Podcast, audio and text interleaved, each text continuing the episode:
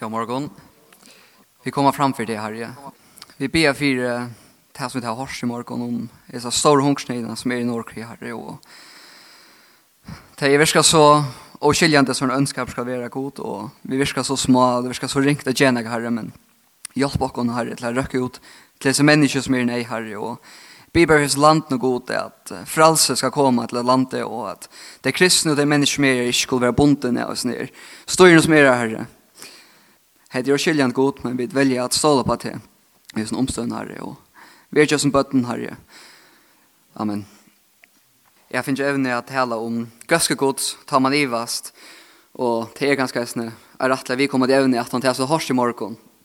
Tar man høyre slukt om sånne realen ønskap, så har vi et tendens til ivast hva god er og i. For meg er det vi er rett til avbjørende evne jeg skulle ha fire gammel til, og hette kjemst nok først og fremst av at jeg er øyne skeptisker som personer. Jeg tar meg vel å sette kritiske spørninger, og hvis anker kommer vi noen annerledes sjåner mye etter en god spørninger, så har vi ringt til å bare lete til affærer. Jeg må forkanne nærje om det jeg har alltid tog. Hetta er, mye fer vi iva og til det vi skeptisker, det blir jeg nok alltid i folkeskolen, ta i platt jeg har samrør vi en som er en av kristna bakgrund, men kallar seg ta för. Han tror ikke at en god vär. Og vi platt pratar här några avhörda samrör om hur skomljörn vär, om människalärarna og om god vär. Og det här blir så en affär här jag blir sätta mig nu kan jag säga stander, men kan jag säga SNT som svära hälsning ateisten emot. Och jag vill inte komma in i det innan argumenter och fyra motor till det här, för jag inte har tog till. Men det gjengs noen år her i verlige for djupa mye her. Og det som jeg fant her, at jeg lova i meg selv å sette kritiske spørninger, ta styrstene i min trygg. Så jeg fant her at her var flere grunnkjøringer enn bare mine kjensler av løyta herren. Og ta en tog var ferden her, jeg kanskje ikke visste sånn jeg har langer for akkurat sånne argumenten vi kan si ateistene. Så benka jeg ditt dittner som her, og her står så tvei hos vittne. Og jeg det är er så alltid så forvitnig at andre folk kan si som tjekker nek annen er, så får jag att prata vid där. Och prata blev öliga kött om hver är Jesus. Vi tycker ju att Jesus är god. Det gör det inte. Det tycker Jesus är den största angelen som är värre. Så att det här så blir jag att en för vi ett möjligt spårning som jag aldrig huxar för. Och senast i årene har vi fått djupa möjligen att gå i hver bojden Jesus är. Det är öliga avvärst att Jesus skal vara en så central personer nästan i heimsøvne, Och då er det så mycket imska meninger om hver han er. Muslimer kikker på at han er en profetor. Vi kikker på at han er god. Mormoner kikker på at han er en god av ganske millionen, og han er badgen Lucifer. Jehovas vittne kikker på at han er Mikael, den søste Angelen, som kikker Jesus ikke vil til, og som kikker Jesus bare vil menneske. Så her er en spurningar. Og alt som jeg har funnet her, det er at jeg vil aldri lever. Jeg ser etter spurningar. Og jeg vet at det er en godt ting.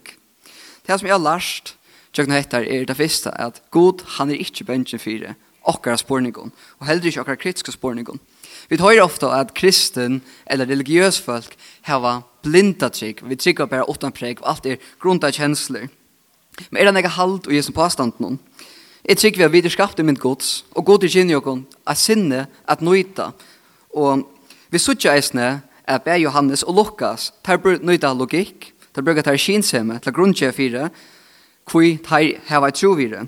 Vi leser Johannes 1, 24, Her skrev Johannes, hette lærersveineren, vi vittner om hettar, og vi skriver hettar, og vi vet at vittnesbord hans er sanner. Så han røyner styrkja så trovire, vi kommer med en argumente. Kanskje enda mer avverst er Lukas. Han byrjar så bra, vi Esia, så har vi eisen e, etter å ha har gjødla har vi rannsæga alt det første tog, sett mer, fyra skrivet her til nior, kvørst anna, etter anna har det Theofilos, så heter, for jeg tok av sanna, hvordan avlytan til er, som dere har hørt, frasagt så tar bruka grundgevingar for jeg styrka om tar trovire.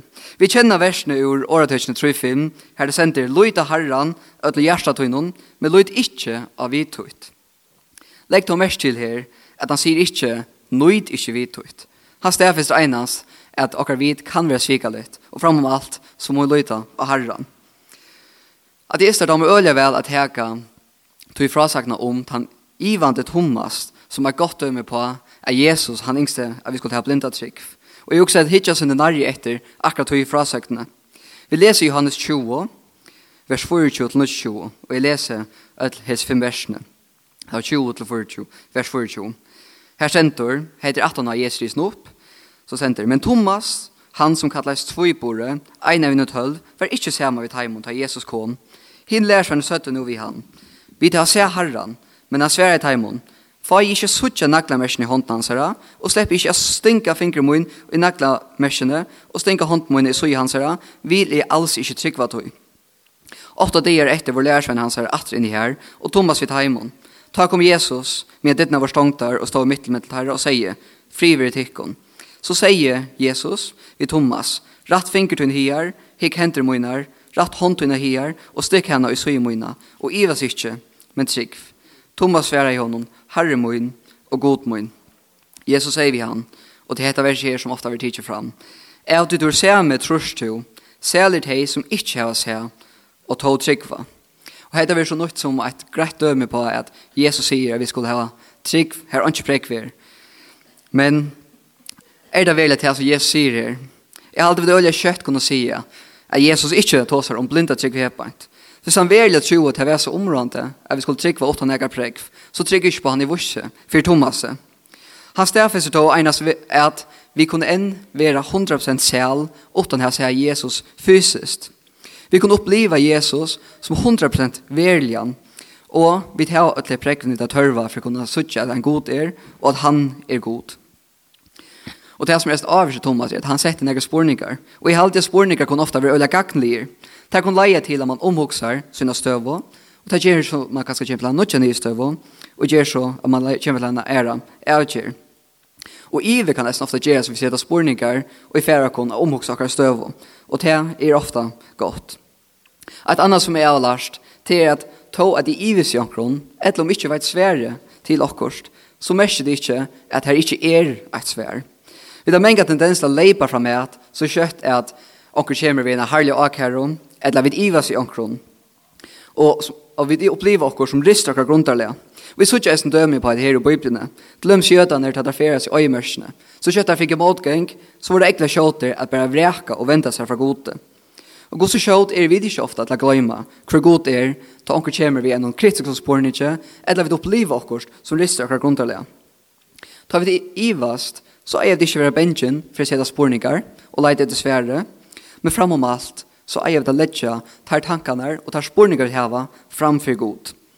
Man ser med engan heter vi gjørst i salmen og det er olja inspirerende å lese ofta gosset her skriva til god og gosset ærligere er det.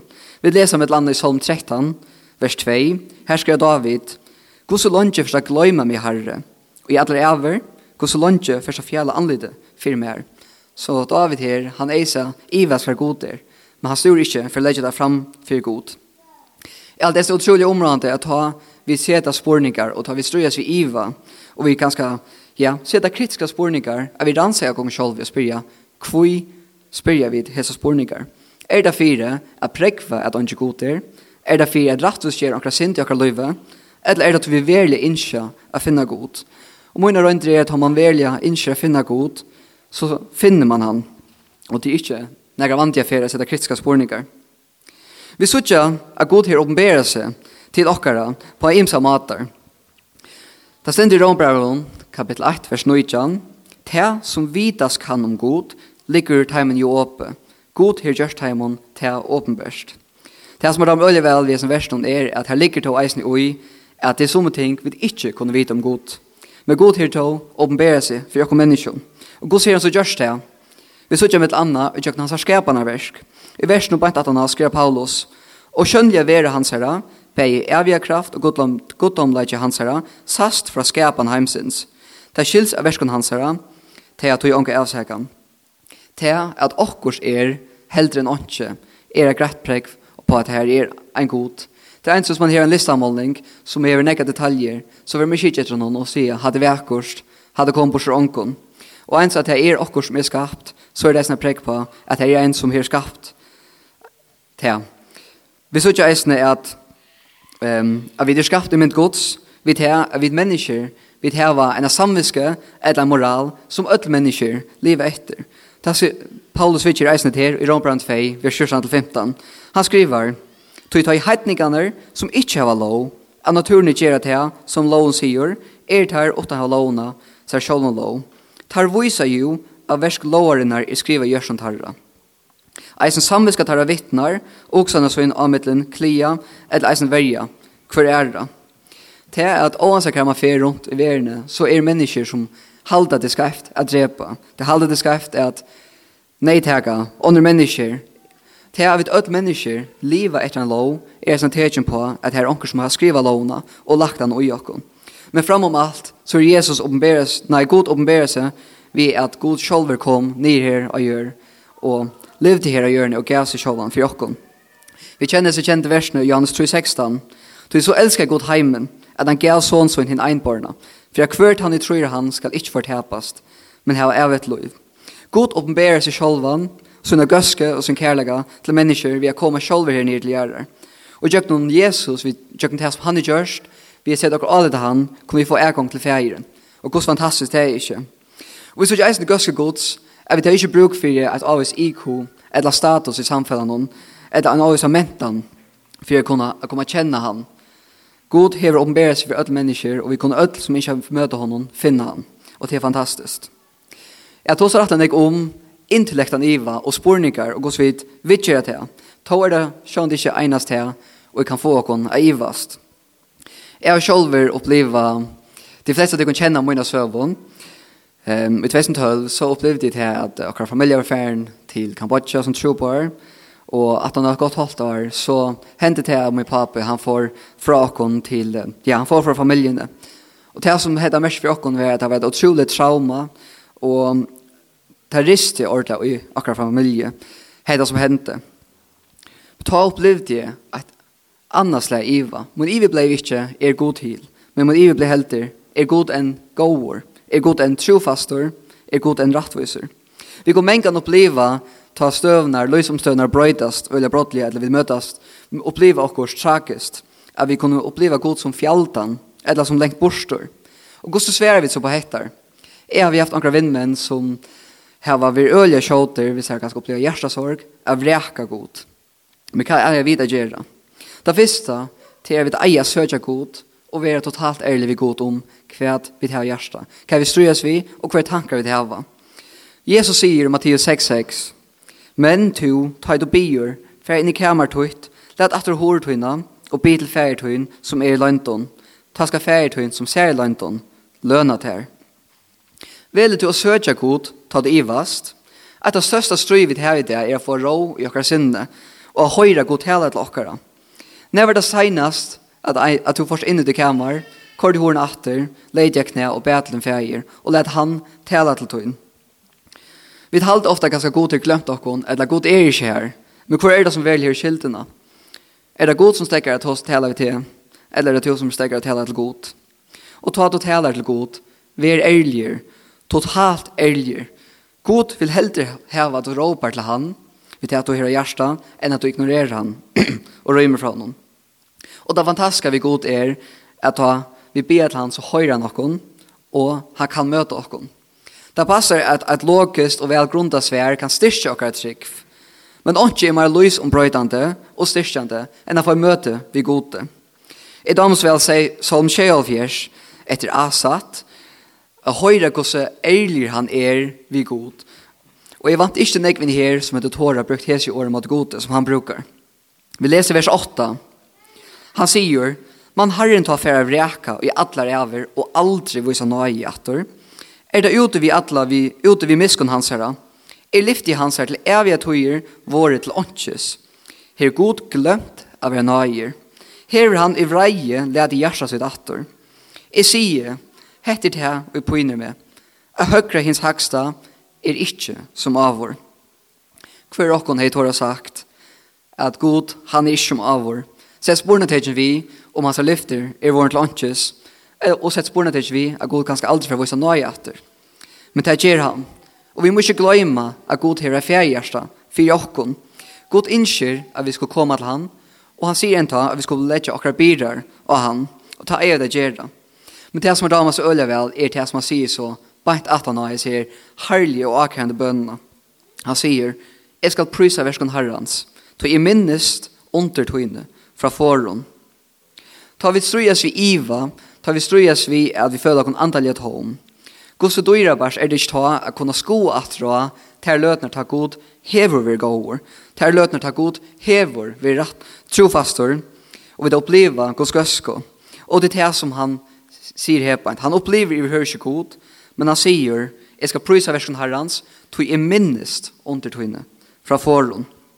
Ta jeg opplevde så djup på sorgene og i min familie, ta var det hettar som hjalte meg, at jeg opplevde for at god hever nær, at god hever gåvor og god hever trofaster. Og hvor skulle jeg så stekke ta? Og det som er utrolig avverst vi Jesus, vi kristendommen, er det er mengen noen røynter, at vi kommer kjenne Jesus best. Så tar vi det ivast, hva er det så vi eier, hva er iva gjør vi okkom? Det første er at hvis vi føler at vi ivast, eller vi kanskje ikke føler god inn her, så er det stimpra en hunker i okken etter å finne god. Det er bare god, og jeg kan økte okken. Det er god som hever skatt okkon, og han vet akkurat hva det er bruk for det. Så fær og leit etter gode, og minst til at god hever gåver for, og han er trofaster for. Vi kommer ødla møte røynton i akkurat løyve. Spørning er bare, er vi fire ikke ta stormer brestra? Et annet var det lukknelse til Jesus, her han tåser om daran og han viser mannen og bygde huset av sante og av hedlo. Vi får lese da, i Mattias 6, heter kjente av vers 24 til 22. Her sier Jesus, Hvert han som tog høyre hes i årmøyne og gjør etter heimon, vil lukkre videomanne i bygd huset av hedlo. Grovrekne kom, einar vokso, og vindane blåste og rakte det hus. Men det fatt ikke til det var grunta og hedlo. Men hvert han, og i høyre ikke årmøyne, og gjør ikke etter teimån, vi lukker dara, og i bygde huset av sante. Grårekne kom, og einar vokso, og vintene blåst, og rakt etter hus, og ta fall, og fall tess, vær størst. Vær størst. Det som er damer så øyelig vel vi akkurat luknelsen, er at Jesus, han viser også, at bæger til at vi viser mannen, og til at dara noen, her kom en sormer, og i rakte ja. Vi kristne, vi har ikke undantag. Det stender ångesens på utbygnet at Kom och trygga Jesus och du lever som ett ansvar råsson och att där ehm och allt blir bara gott. Jesus visar klart här att grårekne för Jakob bäget han visa och darran. Spårningen bära har vi byggt våra liv av Jesus ta. Det är så områdande att vi har ett aktivt samband vi och våra färger. Vi brukar tog i bön och vi bia och läsa biblarna så vi kommer känna god. Så tar stormen räkar så vidar vi hur god är. Er. Og ta anker annar ivast, god så eier vi ta erigera. Jeg har ofta tendens til ta anker kjemur jonkon påstand jo med Jesus kjer til, eller så anker sier ivast om god er der. Så har jeg ofta tendens til å komme vi gåon, grundgevingen og bruka logikk og så videre for å kunne vise at her må være en god og så videre. Men er det den rette framfor hatren? I dom så vel, hese hendingsna, Johannes 8, vers 5-4-24. Her byrjan Johannes, tar man i akkurat Det er ikke svart for at Jesus er her og det halda til nok Messias. Her leser vi Filip er ur Bethsaida som Andreas og Peter var i ur. Filip heter Nathaniel og sier vi han. Vi har funnet han som Moses skriver om i lovene og profetene er vi. Jesus, son ur Nazaret. Og så sier Nathaniel vi han, kan jeg godt være ur Nazaret? Så han sverer nok så grovt atter til henne påstanden om at jeg nok funnet Messias.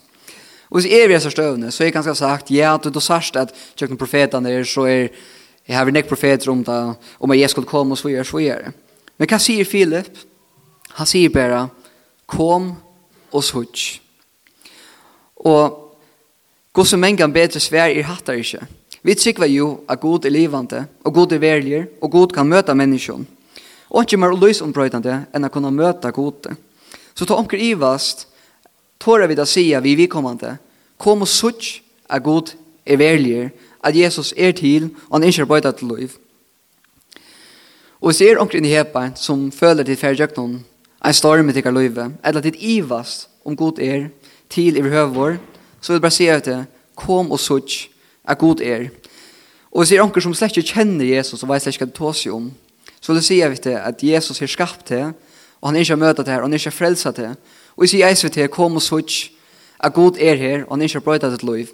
Vi får ha forbund her framme i høyre søya, og jeg vil etja samkomne, kom og sutt, at god er til, og god er velger, og god er gåver. Amen.